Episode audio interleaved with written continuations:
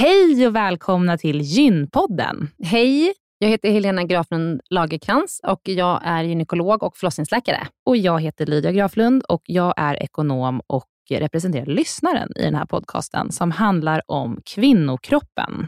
Det är vetenskaplig fakta om kvinnokroppen och det du hör i den här podden är det som man kan höra om man får träffa en läkare eller en barnmorska i ett eh, möte. Men ibland så bjuder vi in gäster som berättar om sina personliga erfarenheter och ibland är det också spekulation, men då är det verkligen tydligt att det är spekulation. Annars är grunden för den här podden vetenskaplig fakta om kvinnokroppen. Så är det. Hoppas att ni vill lyssna. Välkomna. Välkomna. Det här poddavsnittet är sponsrat av SDCare. Det är vårt vårdbolag som vi har varit med och startat som arbetar med kvinnohälsa.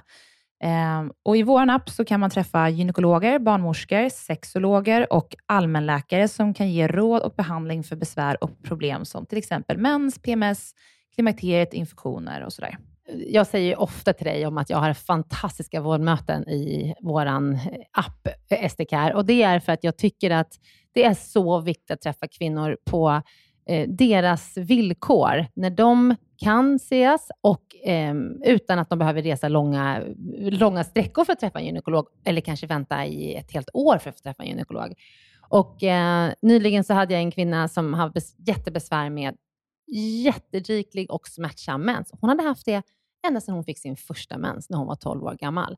Och eh, Hon grät en skvätt och jag grät en liten skvätt för jag tänkte på alla unga flickor som går där ute som får sin första mens här nu de här dagarna som kommer eller veckorna som kommer och som ska gå och lida på det här sättet som den här tjejen hade gjort.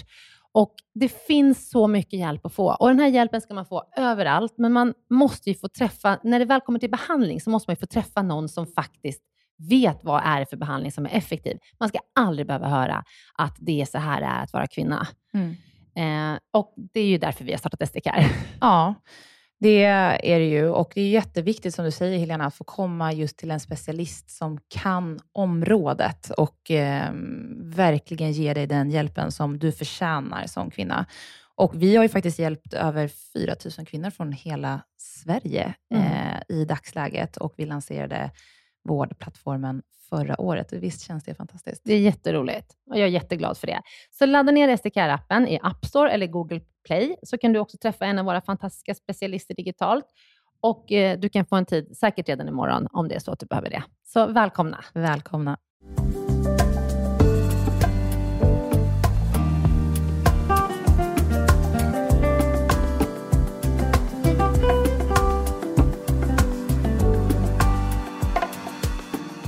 Välkommen till ett nytt avsnitt av Gynpodden svarar, där dagens gäst är doktor Helena.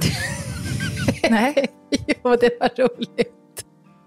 Lydia har blivit en rutinerad radiopratare.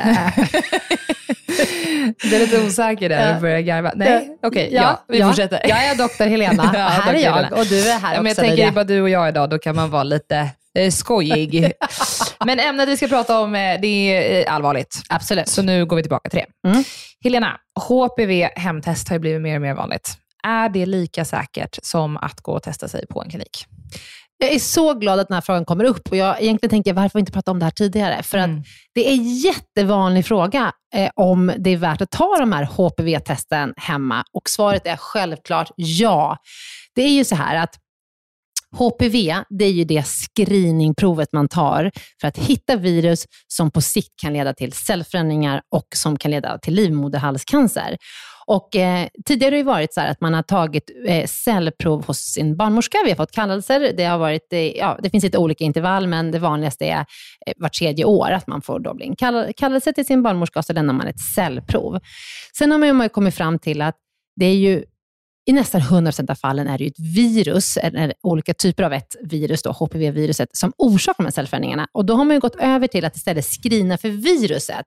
Har man inte viruset så kan man liksom ta det lugnt och komma på sitt nästa test. Som nu du... hoppade jag lite på att du sa i nästan i alla fall. Ja, ja det, är nästan, det finns ju alltid undantagsfall. Alltid, alltid, alltid. Tror, men tror du inte att det bidrar till en osäkerhetskänsla kring att bara ta HPV-test och inte gå och screena sig? Jag vet, men eh, alltså, det här är screeningen. Även om du går till barnmorska så tar man den här screeningen. Jaha, alltså, tar man det är här... samma ja. screening man tar, ja. bara att nu kan man faktiskt göra det hemma. Ja, jag förstår. Ja, så att, nej, det här är säkert. Att, mm. alltså, det är helt säkert. Och jag skulle säga att när man tar cellprov, då tittar man på hur cellerna ser ut. Då är det ju någon person som sitter och tittar på det här. Liksom. Och då tänker jag att det är kanske större risk att det blir fel än att man eh, kör dem i en maskin och ser så här, innehåller det här provet virus? Just det. Eh, så jag skulle säga att, liksom, att det här är jättesäkert. Och, men det som har varit är att pandemin tvingade ju oss till att liksom, utveckla vården. Och då var ju ett, en av de grejerna som utvecklades var ju att man tog fram HPV-test som man gör hemma. Och kvinnor fick det här hemskickade.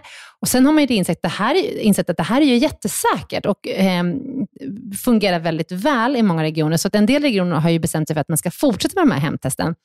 Men, men då har jag träffat, träffat väldigt många kvinnor som, är, som inte har lämnat de här hemtesten, för man tycker så här, nej men jag vill hellre gå till barnmorskan och ta det här provet istället för att ta det hemma och jag är inte säker på att jag gör rätt och så här.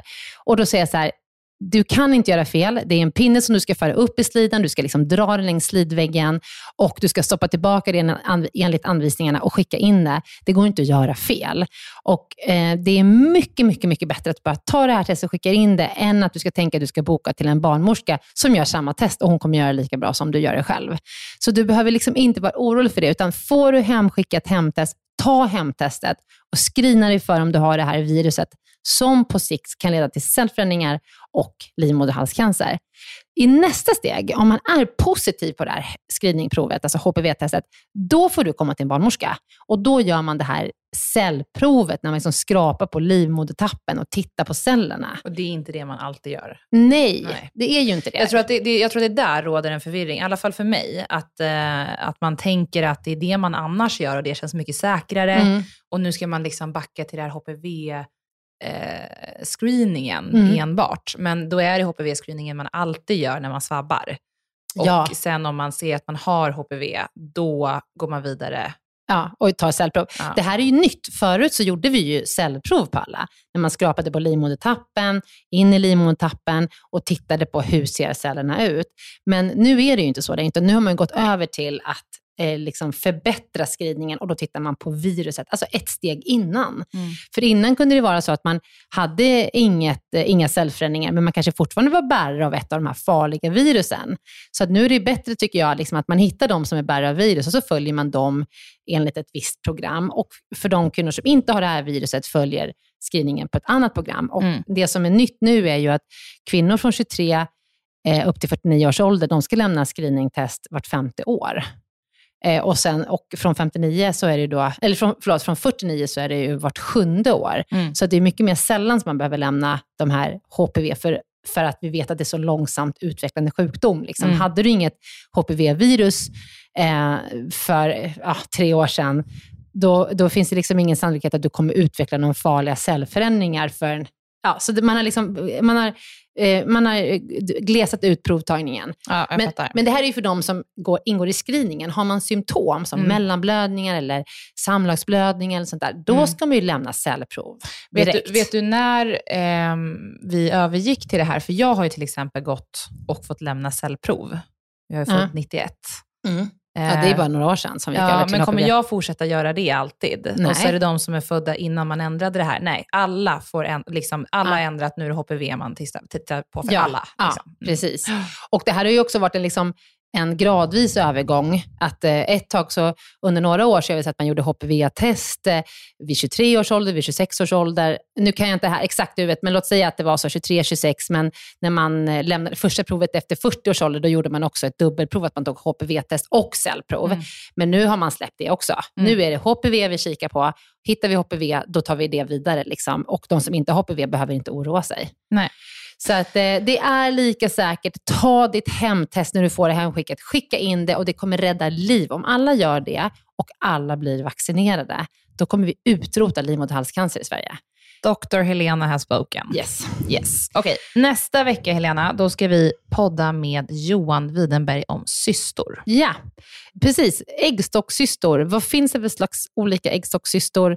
Vad har man för symptom? Vilka behöver opereras bort? Vilka försvinner av sig själva? Vad är en cystruptur? Det här verkar drabba kvinnor till höger och vänster. Ja, det är jag. det. Jättevanligt. För helt plötsligt så har man en kompis som berättar, "Ja, men jag åkte in akut för jag fick jätteont och då var det en cysta som hade spruckit. Ja, och de allra flesta cystor är ju helt ofarliga, Mm. men de kan ju ibland orsaka väldigt mycket problem. Ja. Och eh, det ska vi prata om med eh, min kollega Johan Widenberg, som är en duktig ultraljudsdoktor och gynekolog. Jättespännande. Ja, det var faktiskt jättekul, bara kort notis. Det, det var att jag träffade en eh, kvinna som hade varit inne och fött på Danderyd, Mm. där Johan eh, är läkare. Och så berättade hon just att hon hade haft Johan Widenberg och han var så otroligt bra. Han är otroligt bra. Ja. Vi är glada att han kommer. Jättekul. Ja, men, tack det blir så kul. mycket. Lyssna på det. Tack. Hej. Hej.